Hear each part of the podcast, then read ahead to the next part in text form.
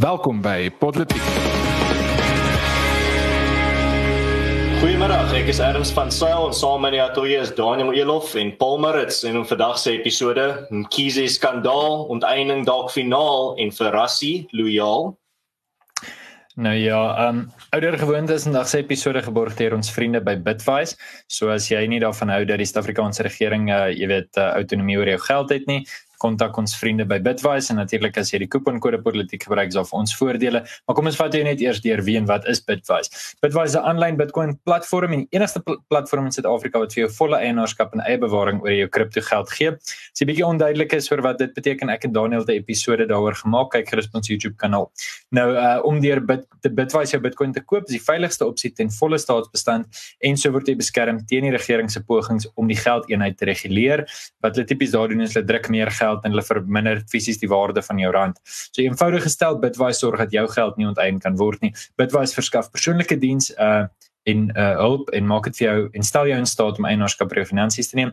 En Bitwise is die, uh bied ook die hoogste verwysingsfooi van enige Bitcoin platform in Suid-Afrika. So as jy jou vriende wil verwys, dan is dit die ouens om na toe te gaan. Kontak Bitwise vandag by www.bitwise.io om eienaarskap oor jou finansies te neem en om jou vriende by politiek te ondersteun sodat ons lekker kameras kan hê dat jy ons gesigte in hoë definisie kan sien. Nou ja, genoeg nonsens van my kant af. Kom ons ontnonsens hierdie week se uh, politiek en erns ek weet hoe hoe lief is uh, jy en jou kollegas daar by AfriForum daarvoor om ons te herinner wanneer ministers geld steel en uh uh dis Willem Kiesi is weer aan die beurt hierdie week.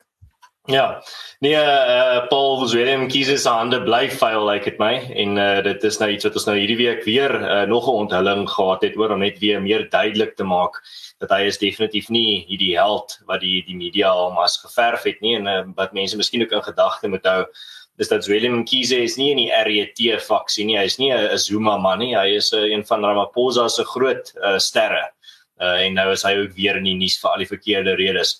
So meer as 1 miljoen rand is uit die departement van gesondheid se digital vibes ooreenkoms van 150 miljoen gevee om te help met die oprigting van 'n nuwe haarsalon en 'n eksklusiewe naalwinkel of 'n naaldoen uh diens wat die minister van gesondheid Zodie Mkhize se seun en skoondogter besit en uh, hierdie uh, onthulling kom uh, na ons toe te danke aan 'n uh, ondersoek deur die Daily Maverick wat ook die vorige storie gebreek het.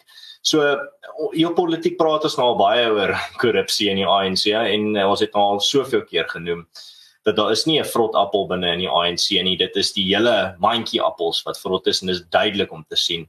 Maar Ek dink die groot vraag dalk vir vir bespreking hierso is meer van 'n voorspellende vraag en dit is gaan Ramaphosa aan optree.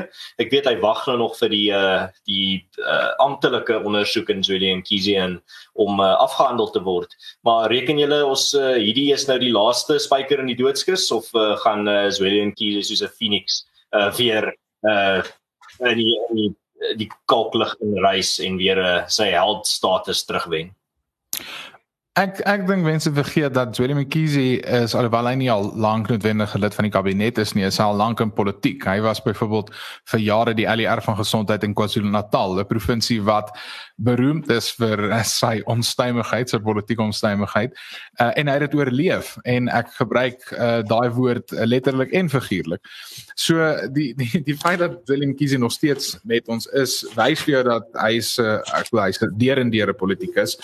Ehm um, en dat hy gaan ek dink hy gaan hierdie op een of ander manier oorleef soos wat meeste ANC lede wat van korrupsie of wangedrag op die ouene aangekla word dit oorleef. Alwanneer 'n lid van die ANC regtig half in politieke ballingskap ingestuur word is wanneer hulle nie met die die party gaan nie. Met ander woorde wanneer hulle teen die wense van die party beweeg. Ehm um, ons het dit regtig nog nie gesien dat oor dat iemand uitgevang is vir korrupsie of bedrog dat die ANC hulle uitwerk nie. Al wat hulle doen is hulle sorg hulle hulle skuif hulle half maar net uit uh die die openbare oog uit. So waarskynlik is dit wat met Kiesie gaan gebeur. Ehm um, en en die probleem erns en dit vloei eintlik maar uit wat jy vroeër gesê het van daar sien jy 'n vrot appel in die ANC en hierdie hele mandjie van die ANC se appels is vrot is ongelukkig gaan Kiesie maar net vervang word met 'n ander vrot appel. Hmm. Ja, so ek, ek dink wat vir my interessant is aan die hele storie is wel eh, seker maar 'n interessante vraag is is jy weet hoe hoe kry die ANC hulle self uit hierdie situasie uit. So as ons net kan tred hou en ek dink jy weet ons by politiek het eintlik hierdie storie redelik van die begin af dopgehou en al die opdaterings gebring en bespreek. Natuurlik het ons hierdie gedagte dat Mzweli gehad Mzweli Mkhize gaan 'n bietjie eer terugbring. Ehm um, na na 'n posisie toe waar daar baie vrae gevra is. Hy is iemand wat baie uh, vertrou word. Ek dink in 'n vorige termyn het hy op die ANC se NK gedien as tesourier. Nou tesourier is tipiese posisie wat jy gee aan iemand wat wat betroubaar is. Uh, hy's 'n mediese dokter. Hy kom uit 'n bepaalde agtergrond uit en en hy dra daai gewig. So erns presies soos wat jy uitwys nie deel van die RET faksie nie, die radikale ekonomiese transformasie faksie nie. Um en baie bepaald iemand wat 'n mens sou kon dink miskien 'n toekomstige adjunk president of selfs president kon gewees het, uh, gebaseer op die feit dat hy die regte boksies tik wat wat Suid-Afrikaners gewoonlik oor kla. Ons kla oor die feit dat dat daar nie regte geleerdheid is nie. Ons het baie grappies gemaak oor Zuma se vlak van geleerdheid. Het ons 'n mediese dokter. Ons kla oor die binnengevegte in terme van die die onderskeie groepe in Suid-Afrika. Mkhize as ek reg verstaan is 'n Zulu. Um En dan het jy hierdie situasie dat um en en presies wat hulle uitwys, die skokkende oomblik vir die ANC, um en ek wel ek dink jy's vir hulle skokkend nie hulle weet dit. Die skokkende oomblik in terme van 'n publisiteit perspektief is presies Daniel soos jy uitwys, wat beteken dit nou as selfs die skoon ouens se hande vuil is? Ons het nou baie oor hierdie gedagte van vuil hande gepraat. Die vraag is nou waarheen nou? Die realistiese antwoord vir 'n politieke party in die 21ste eeu behoort te wees: jy vervang hom met iemand wat nie korrup is nie. Maar hulle sit in wat ek graag noem die Lance Armstrong scenario. Want die Tour de France kon nie te Lance Armstrong positief toets die prys gee vir die ou wat tweede was nie, want hy het al 3 jaar voor dit positief getoets. Hulle kon dit nie gee vir die ou wat derde, vierde, vyfde, sesde, sewende, agste was nie, want almal het positief getoets. Jy het op 'n punt gekom wat hulle gesê het daar's net nie 'n uitslag nie. Ongelukkig is 'n land nie 'n Tour de France wedren nie. Uh jy sit in 'n werklike situasie waar iemand regeer moet word. So daar's 'n absolute ehm um, uh, amper hardheid er aan pokkery. Uh, ek ek wil amper sê ongenaakbaarheid hierso. Wat dit vir my meer onvergeeflik maak is die is die portefeulje en die tyd. Dis so goed 'n minister van verdediging steel in 'n oorlogtyd geld wat vir wapens moes gegaan het. Behalwe daai wapens was vir verdediging van 'n moontlike aanval. Hierso was dit vir verdediging teen 'n definitiewe virus wat al klaar bestaan. So daar's 'n baie ehm um, die houding van die ANC kom amper meer na vore. Daar's amper 'n vermetelheid wil ek sê. Nou kan 'n mens vra mag ek hier regerende party vermetel noem? Maar ek dink jy kan. Daar's regtig hierdie idee dat hulle is 'n uh, die land en die bates wat die land het is hulle sin. Daar's nie 'n onderskeid nie. Wat natuurlik tipies is van 'n sosialistiese party en dis dit verbaas ons nie en vir ons politiek luisteraar, ons het al soveel analises hieroor gedoen. Dit behoort jou nie te, nie meer te verbaas nie. Maar en ek dink dis die ding vir my. Dit verbaas my nog steeds. Verbaas my nog steeds dat ons na soveel jare nie verby hierdie punt kan kom nie. Verbaas my nog steeds dat die mense aanhou vir die ANC stem. Ek sê dit elke week, dit verbaas my elke week. Verbaas my nog steeds dat op 'n of ander manier hierdie aanvaarbaar is. Met ek wil nie heeltyd Europese voorbeelde gebruik nie, maar in Duitsland toe vind hulle uit 'n minister het 30 jaar terug 'n stuk van sy PhD geplagieer. Hy is uit die politiek uit. Hy is absoluut van alles geskraap. Hy sal nooit weer in die politiek werk nie, ook nie in die akademie nie. Dis hoe dit werk. Jy sê net sies ag sorry, ons gaan jou vir 'n paar maande wegstuur. Dis in The Godfather en kom jy maar terug en gaan ons maar aan. Kan nie so aangaan nie. Ja, wat nee, just as I thought I'm out they pull me back in. Ehm um, dis uh, Paul weet jy wat wat sien ek ek wil nou so 'n bietjie net die storie uh, nie te ver afwyk van die nuus storie en dis om kies nie, maar om oor die breër probleem te praat en ek ek sit nogals vandag toevallig daarin en dink ons sit met 'n enorme uh onaanspreeklikheidsprobleem in Suid-Afrika. Ehm um, en en dis waarop dit neerkom. Dis nie dis nie die steel wat 'n probleem is nie. Dis nie die bedrog wat 'n probleem is nie, dis die korrupsie wat 'n probleem is nie. Die punt is dit gebeur in alle lande. Die verskil is net in ander lande is daar aanspreeklikheid en daar's meer meganismes om dit te voorkom. Maar in Suid-Afrika is daar nie aanspreeklikheid nie. En die rede hoekom ek dit sê is ek sit vandag en gesels met iemand wat praat oor 'n uh, uh, uh, die persoon werk in die staatsdiens en ehm um, die persoon werk net 'n paar van 'n paar dae van die week by hierdie staatsinstelling. En die persoon se se kollega kom letterlik net wanneer hy besluit hy lus het, gaan hy werk toe. En hy kry 'n vet salaris wat deur die belastingbetalers elke liewe maand betaal word. Ons betaal sy salaris en hy werk 4 dae van die maand. En die rede hoekom dit kan gebeur is niemand vat daai man vas nie. Niemand sê vir hom dis onaanvaarbaar dat jy nie by die werk uh, by die werk uitkom nie. Dit is onaanvaarbaar dat ons jou betaal elke maand en jy doen nie jou werk nie, jy versuim jou pligte. En dis wat ek bedoel met die hele land het hierdie aanspreeklikheidsprobleem. Hierdie hele land uh, dit dit kom van bo tot onder. So Mkhizi uh, is is is die kop van van hierdie verskriklike absolute groot monster. Maar ongelukkig is dit ons hele land sit met met hierdie probleem. En uh, wat ek wat ek daarvan dink is op 'n punt gaan mense net siek en sat word om vir hierdie monster aan te hou voer ek wil ek sit en dink hoekom wil ek belastinggeld betaal as daar slaggate is sodra ek by my erf uitry? Die straatligte werk nie. Die vullisverwydering kom letterlik net wanneer hulle lus het. Ek hoor van hierdie man wat nie vir sy werk opdaag nie net een keer 'n week gaan. Hoekom gaan dit aanhou? En ek dink regtig die mense gaan net eenvoudig voorsraak ons gaan gatvol raak en mense gaan eenvoudig nie meer hierdie monster voer nie En ek dink daar's 'n ander maar 'n ander tema ook hierso uh, ter sprake en iets wat ons nou al hoe meer duidelik begin sien en dit is 'n ongemaklike tema, maar dis die feit dat wat ons in Suid-Afrika sien, nie net met die die korrupsie wat al hoe erger word nie, maar ook met die onluste en die plundering is morele verval. Ons samelewing is besig om moreel te verval in terme van daar is nie met wat uh, aanspreeklikheid betref is daar niks nie, net soos wat jy nou van gesê het Daniel. Uh, wanneer dit uh, wanneer dit kom by uh die die verval van ons instellings is daar ook geen uh, morele regte fondasie wat hulle op staan nie. As jy kyk na die soort beleide wat wat, wat voorgestel word in Suid-Afrika, is dit ook nie is dit geensins moreel nie en dit is wat ons in die volgende storie oor gaan praat, is nog 'n morele beleidsvoorstel. En as jy kyk na net hoeveel gesteel word, die ANC politici wat so steel en so plunder, gee nie om oor wat hulle doen nie. Jy kan vir hulle wys, uitwys en sê maar wat julle doen is verkeerd en wat julle doen is boos en hulle gaan vir jou net kyk en sê ek gee nie om nie. Jy kan vir my soveel keer sê wat jy wil, hoe boos ek is en hoe ek net selfsugtig is, maar dit is hoe dit hier werk. Dit ek doen maar net wat almal doen. En dit is daai en dit is wat morele verval wat morele verval beteken. Is dit vat net een of twee ouens wat begin om hulle eie reëls te volg voordat almal net hulle eie reëls begin volg en hulle eie moraliteit begin volg.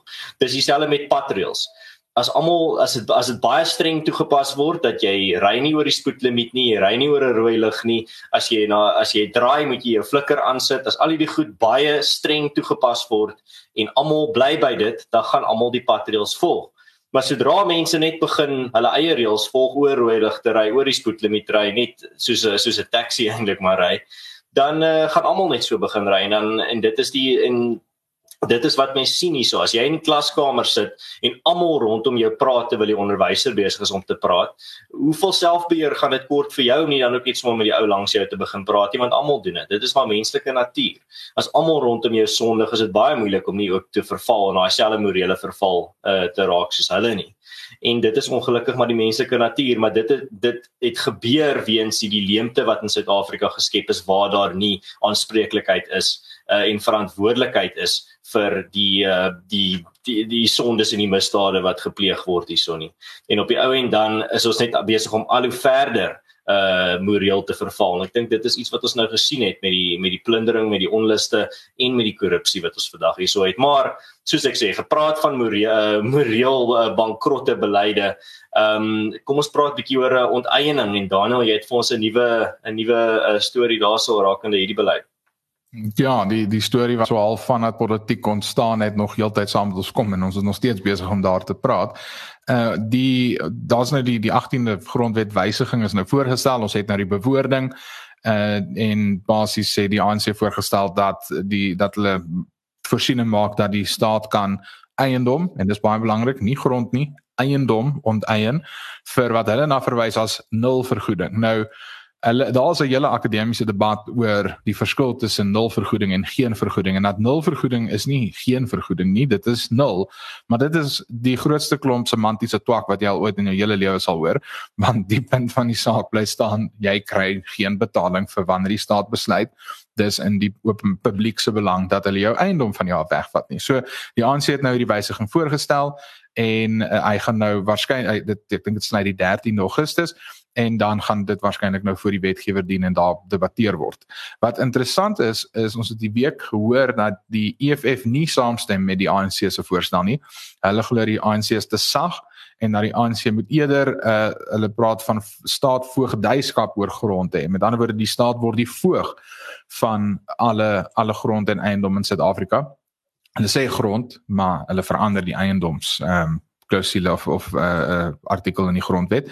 Maar nietemin en nou is daar blykbaar die spanning tussen die EFF en die ANC want hulle sê wel hulle hulle volg nie die plan nie. Nou baie mense dink is goed, hulle is baie verheug en bly want hulle dink wel dankie tog nie die ANC het nou nie hulle 2/3 meerderheid nie of hulle is verder weg van daai 2/3 meerderheid of moontlik die 75% meerderheid wat hulle nodig het in die wetgewer om hierdie wysiging deur te druk. Maar my grootste bekommernis is dat hierdie is 'n klassieke geval van so tipe van 'n good cop bad cop 'n benadering. Dat uh die die EFF druk vir hierdie regtige waansinniger en radikale beleidsvoorstel en die ANC kan kom sê toe maar toe maar toe maar kyk ons het die radikale EFF afgeweer en ons het nou op die billike plek en grond geskik, die middelgrond geskik. En dit is nul vergoeding. Ja, en dis ons gaan nie uh, ons gaan nie vir jou uh, die doodstraf gee nie. Ons gaan maar net vir jou vir jou lewenslang tronk toestuur. Moenie moenie bekommer nie. Ja, moenie moenie bekommer. Dis presies. So uh, dis waar ons nou is. Daar's nou hierdie hierdie bietjie nuus oor die spanning tussen die EFF of ten minste die beweerde spanning. Ek dink dis redelik gekoördineerd as jy vir my vra of ten minste as dit nie gekoördineerd is deur die ANC nie dink ek is dit baie spesifiek gekoördineer deur die EFF en ek dink strategies ehm um, baie doelbewus 'n uh, uh, uh, politieke skuif deur hulle. Ja, so ehm um, paar paar punte om deur te praat hierso. Ek dink as 'n mens begin en ons ons het baie keer hierdie tipe ehm um, tipe gesprekke ook wanneer ons ons agter die skerms episode doen wanneer ons persoonlik gesels. As ons sou sê dat politiek stroom af lê van kultuur en kultuur lê stroom af van geloof uh, of van jy weet jou mees fundamentele oortuigings dan moet ons vir onsself 'n paar dinge vra. Ehm um, nou goed ten eerste, jy weet ek dink is baie duidelik vanuit 'n Christelike narratief sê jy dat ehm um, jy weet dis diefstal om iemand om iets te vat wat nie aan jou behoort nie. Uh ons het 'n baie bepaald en en die politieke filosofie agter hierdie sal ontsettend interessant wees en baie lank vat om te te analiseer, maar wat dit neerkom is jy weet die staat is eintlik maar 'n persoon, reg? Dis 'n regspersoon en hy het bepaalde bevoegdhede. Daai persoon word nou die mag gegee om eiendom te kan vat. En ja, ehm um, nul vergoeding klink vreeslik akademies. Ek sê maar 'n saam met jou Daniel, dis eintlik maar net dis eintlik maar net diefstal die die ding en die, en ek dink die rede hoekom hoekom ons so moeilik daaraan sluk, miskien vanuit 'n westerse wêreldbeskouing, miskien vanuit die Suid-Afrika waarin ons groot geword het of miskien vanuit die films en die goed wat ons in elk geval kyk, is jy weet die idee wat ons in ons koppe het is dat jy iets kan besit. En die sosialis en die kommunis het nie daai idee nie. Die idee van persoonlike eiendom is vir hom 'n probleem. So jy weet die tipies hierdie hierdie Marx idee wat sê die oomblik wat daar persoonlike eiendom is, is daar diefstal want jy steel by al die ander mense en al sulke twak. Ehm um, ek dink John Locke se se tweede verhandeling op regering of second treatise of government wat in 1689 uitgekom het, handel baie spesifiek oor die tema, beter as dit as wat ons dalk nou daaroor gaan kan praat. Maar die beginsel is dat jy weet jy die reg behoort te hê om eiendom te kan besit. Locke het 'n paar vreemde idees gehad, ek gee toe. Ehm um, en en dis baie binne 'n baie bepaalde konteks gewees van hoe Europa en Engeland hulle self beskou het, verseker.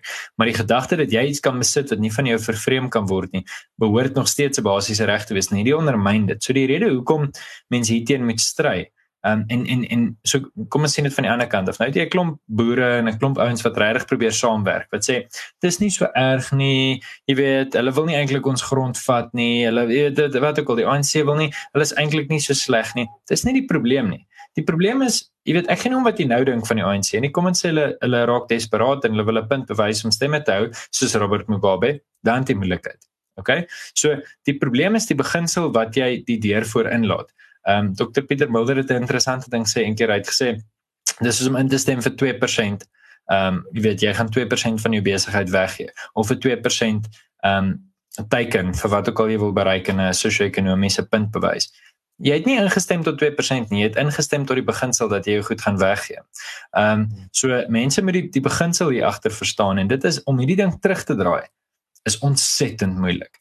Ehm um, So dit dit is nie so eenvoudig nie. Dis regtig 'n komplekse tema en jy moet alles doen wat jy kan. Ek kan daarom sê dat 'n klomp liggame regtig hard beklei het vir die laaste 3 of 4 jaar, maar dit gaan meer vat en ek ek vermoed dit gaan ongelukkig een van daai goed wees wat lewenslank saam met ons kom. Ehm um, in in terme van die EFF wil ek dit 'n vinnige punt maak. Ons moet onthou die EFF is absoluut opportunisties en as ek prof Koos Malan se woorde kan leen, uh hulle is absoluut uh irrelevant. Want as jy gaan kyk na die EFF se 2013 grondwet, hulle twee primêre kwessies was 'n onteiening van eiendom sonder vergoeding en teenoor hulle het gespesifiseer grond. Want hulle lees Frans van Non en hy sê grond is die basis van mag. So EFF wou grond gevat het nou die ANC daai heeltemal onder hulle voete uitgeruk en dit sê ons al vir 4 jaar of 3 en 'n half jaar by politiek of 3 jaar van ons eintlik begin het. En dan die ander ding is, ehm um, hulle het gepraat oor die Reservebank en da, die ANC het daai debat ook oorgevat. So die EFF vind homself in 'n plek waar hy regtig nie relevant is nie. Ehm um, en al wat hulle effektief doen nou is hulle doen die ANC guns en hulle maak dit vir hulle self bietjie makliker om terug te gaan. En dis presies soos jy sê Daniel, jy trek ver reg sodat iemand nie middel kan inkom. Trek ver links sodat iemand nie middel kan inkom en kan lyk like, soos die soos die lesser of two evils as ek Engels kan gebruik, soos die minder erge boosheid. So ehm um, ek dink daar's wesenlike uitdagings vir hierdie. Uh ek dink ons sal duidelik dadelik sien dat 'n klomp belegging die land verlaat en uh, ons sal dadelik sien dat uh dat eintlik 'n 'n klomp uitdagings die land ewe skielik dan te beerd gaan val wat ons nie eers op hierdie stadium kan voorsien nie. So dit dit is slegte nuus. Mense moet natuurlik ek dink vir die hoop en dit vir die hoop soek en en besluit hoe gaan jy hoop bou, maar hierdie is nie goeie nuus nie. Mm. En iets wat ek nou ook opgemerk het is die feit dat ongelukkig en ek bedoel dit is belangrik om die buiteland uh in in kennis te stel van wat in Suid-Afrika aangaan en die radikale beleide wat uh, ons regerende party voorstel en probeer deurdruk. En maar die probleem is ons en soos jy nou uh, tereg gesê het Paul, baie rolspelers doen dit nou al vir 3 uh steede 2018 vir 3 jaar. En die probleem is en dit is nie uh, dit speel in die ANC se hande maar hulle het nie 'n doelbewus gedoen nie. En dit is die feit dat omdat dit so uitgerekte proses is, is dit baie moeilik om vir die buiteland te laat verstaan hierdie gaan nou gebeur of hierdie is op pad om te gebeur. Want elke keer wat jy die buiteland opgewonde kry oor die feit dat ja, die ANC, die regering van Suid-Afrika wil grond onteien, dan kyk hulle na Suid-Afrika en dan sien hulle maar die ANC is nie tans besig om dit te doen nie en dan gaan kyk hulle weer na iets anders. Die probleem is dis baie moeilik om daai situasie te verduidelik en om die buiteland aanhoudend aandag te laat hulle aandag vashou in terme van wat in Suid-Afrika aangaan. So ongelukkig daai geveg om die buitelandse steun te kry om ons te help in hierdie geveg teen hierdie absoluut immorele uh beleide. Die groot probleem daarso is die feit dat elke keer wat bes die buiteland in in in kennis stel daarvan, dan is dit nog nie hier nie. Dis op pad, dis heeltyd op pad en die tyd wat dit gebeur is dit te laat. En maar dis wat die die natuur van van mense probeer inlig en as jy ver weg sit. Nou die die julle het nou genoem van die feit dat daar men daar's boere in Suid-Afrika wat sê ag dit gaan nie so erg wees nie mense wat dit ondersteun. Wel iets wat ek nou al definitief gesien het in Suid-Afrika is die korrelasie tussen die mense wat hierdie soort radikale beleide ondersteun en hulle uh en die uh yes, verloor, verloor ek nou my my woord wat ek daar wil gebruik het, maar die hulle die feit dat hulle kan immigreer uit Suid-Afrika uit. Hulle het die geld en hulle het die uh, vermoë om te immigreer. So jy dis baie maklik om 'n radikale beleid voor te stel as jy weet as dit nie uitwerk nie, kan jy maar net by die agterdeur uithardloop en dan kan jy maar net terugsit en sê ag wat ons kan dit en dan gaan jy na 'n ander land toe en sê maar hier moet ons nou weer probeer. In Suid-Afrika het dit nie gewerk nie, maar hier gaan dit weer werk. Ehm um, en Ian Smith het nogal iets uh, baie interessant gesê in sy biografie, ehm um, die vorige uh, premier van Rhodesia. Hy het gesê is baie maklik en en hy het gepraat oor mense wat in Engeland en in Amerika sit wat vir hulle beleide voorstel in Zimbabwe of in Rhodesia en vir hulle sê maar ag Mugabe is nie so erg nie, vertrou vol met die uh, grondtoetening gaan nie so erg wees nie. Hy het gesê dis baie maklik as jy 6000 km weg bly om radikale beleide uh voor te stel en met die wete dat jy gaan nie meer saam met die gevolge hoef saam te leef nie. En ek voel dit is wat ons nie net plaaslik sien met mense wat maklik kan weghardloop as as hierdie beleide nie uitwerk nie, maar ons sien dit ook met baie in die buiteland wat na hierdie beleide kyk en sê ag dit gaan nie so so erg wees nie. Julle Suid-Afrikaners moet net bietjie bietjie stil bly vir 'n slag en ongelukkig is dit uh, een van die ANC se grootste bondgenote is hierdie um, is hierdie mense wat eintlik glad nie met die die gevolge van hierdie katastrofiese beleid hoef saam te leef in die toekoms nie. Ja, en dis dis het een van daai tipiese gevalle van the road, the road to hell is paved with good intentions paved.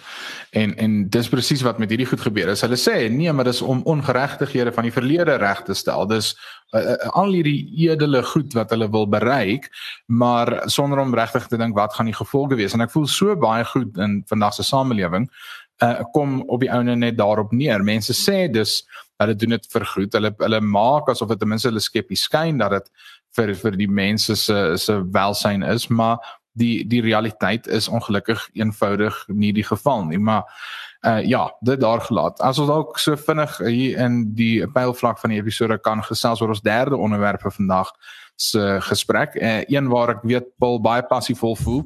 Ehm um, en 'n tipiese hierdie is hierdie is nou klassiek politiek. Kyk, jy kan nou nie meer klassiek politiek kyk as uh, ek kry as want uh, wanneer ons gesels oor ou Jaco Johan Erasmus nie. Maar hy's net Johan Erasmus maar uh daar's 'n ander storie oor Jaco Johan ons sal nou daarby uitkom.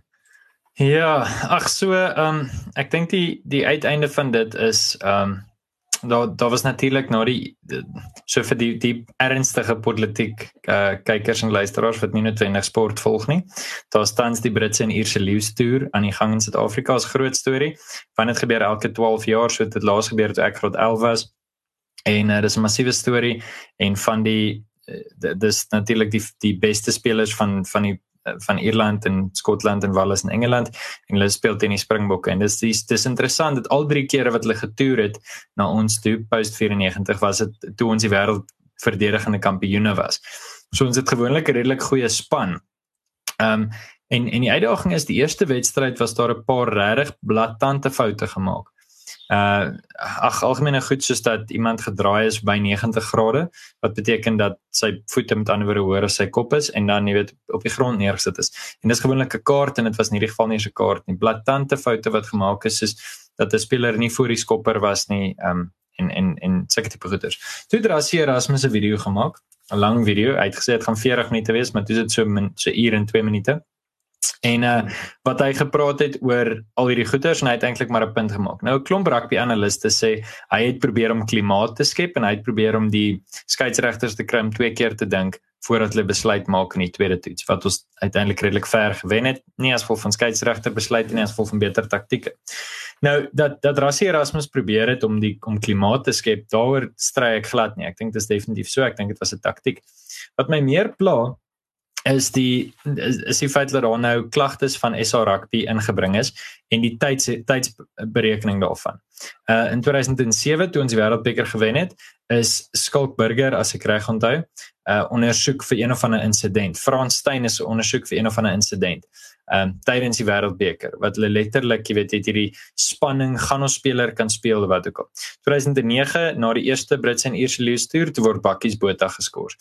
Jy weet, al hierdie goeters en en die, die algemene narratief is dat mense voel word daar nie bietjie harder op Suid-Afrika gepik as op die ander lande nie en is hierdie bestuure nie baie vol van veral verteenwoordigers van Britse en Ierse leeu's en Nieu-Seelanders en Australiërs nie. Nou ek kan nie van ons mense kla en kerm nie staan op en doen jou deel. Maar wanneer jy onregverdig behandel word, dan moet dit aangespreek te word. En ek dink 'n afrigter behoort erns vryheid van spraak te kan hê. Sê ek het met die skeieregters in die media gekritiseer het, dit was dalk nie die mees slim ding nie. Maar as hierdie die manier hoe hulle hom nou moet hanteer, wat moes hy gedoen het? Um jy weet, met enige iemand wie hy gepraat het, sou dit uitgekom en so hy het my net direk gepraat. Ehm um, ek weet nie ek ek voel maar net dat daar altyd Suid-Afrika is altyd die sondebok vir die wêreld. Ek ek dink dit kom maar seker uit ek weet nie, moet ek spekuleer. Dit kom seker uit apartheid uit dat mense gewoon daaraan is. Jy kan maar net altyd Suid-Afrika sleg sê en dis big fine. Dis 'n bietjie die meisond van die wêreld en hulle moet eintlik dankbaar wees dat hulle aan die tafel sit en sulke goeters. Ehm um, en en die feit dat Rassie goed uitgewys het soos wanneer Sia Kolisi met die skeieregters praat stuur hom weg of draai net weg van hom af. Maar as as die Britse en Ierse leeu kaptein praat dan is daar eweslik aandag gegee. Sulke goed pla my en 'n mens kan nie anders as met nie raak te sien nie. Ehm um, ja, hy kon dit dalk hy kon meer takt gehad het natuurlik. Maar ehm um, ja, ek weet nie, dis maar net al wat ek daaroor wil sê. Dit was 'n lekker storie en ek dink ons kan dit noem. Ek weet nie waar veel gaan kom van die ondersoek nie. Ek's maar net bietjie siek en sat daarvoor dat Suid-Afrika altyd in terme van sport en goeders anders behandel word en blaatant anders behandel word. Voel dit vir my. Hmm.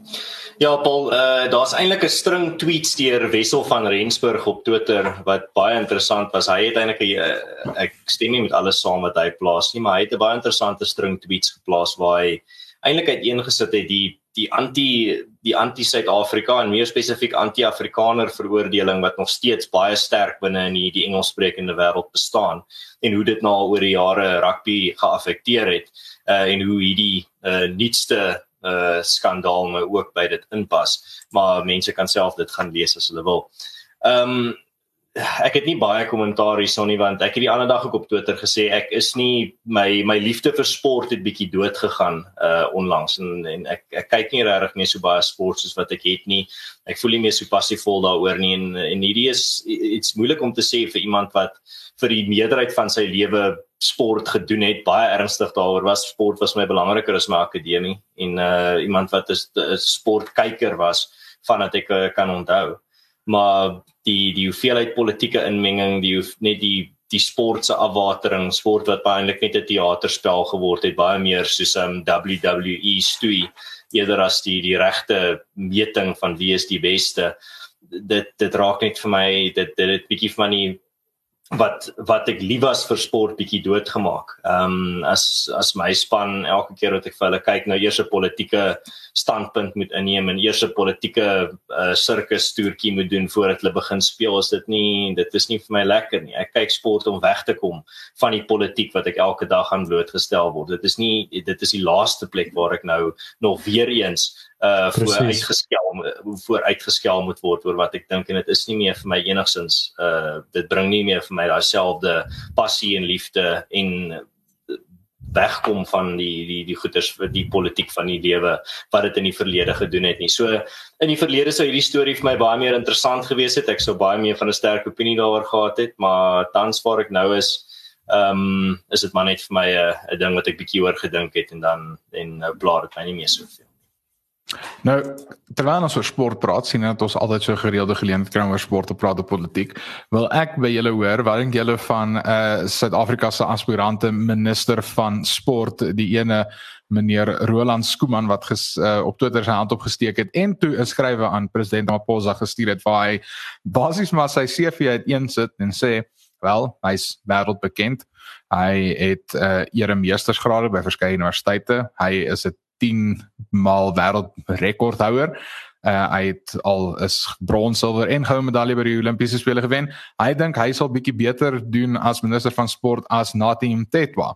Ehm um, ek ek kan aan 'n klomp mense dink wat ek dink uh, besonder meer bekwam sal wees in die kabinet. Ehm um, as ons huidige kabinetslede mense wat eintlik 'n regte wêreld en lewenservaring het in die portefeuilles wat hulle gaan moet bestuur. Ek dink uh, en dan dink ek daarmee saam daar's ontrent maklik 12 kabinetsposte wat absoluut sinneloos is wat net van die begin af moet geskraap word. So dit is my veldtog belofte as enigiemand ooit eendag vir my wil stem as vir president. Ek sal die kabinet, ek dink eintlik die hele kabinet behoort maar uit twee mense uit te staan uh, bestaan. Dis soos wat Ron Swanson gesê het in in Parks and Recreation. Hy het gesê sy konsep van 'n regering is eintlik maar net een man wat in 'n kamer sit en besluit wie moet hulle daai dag uh, met 'n atoombom bom.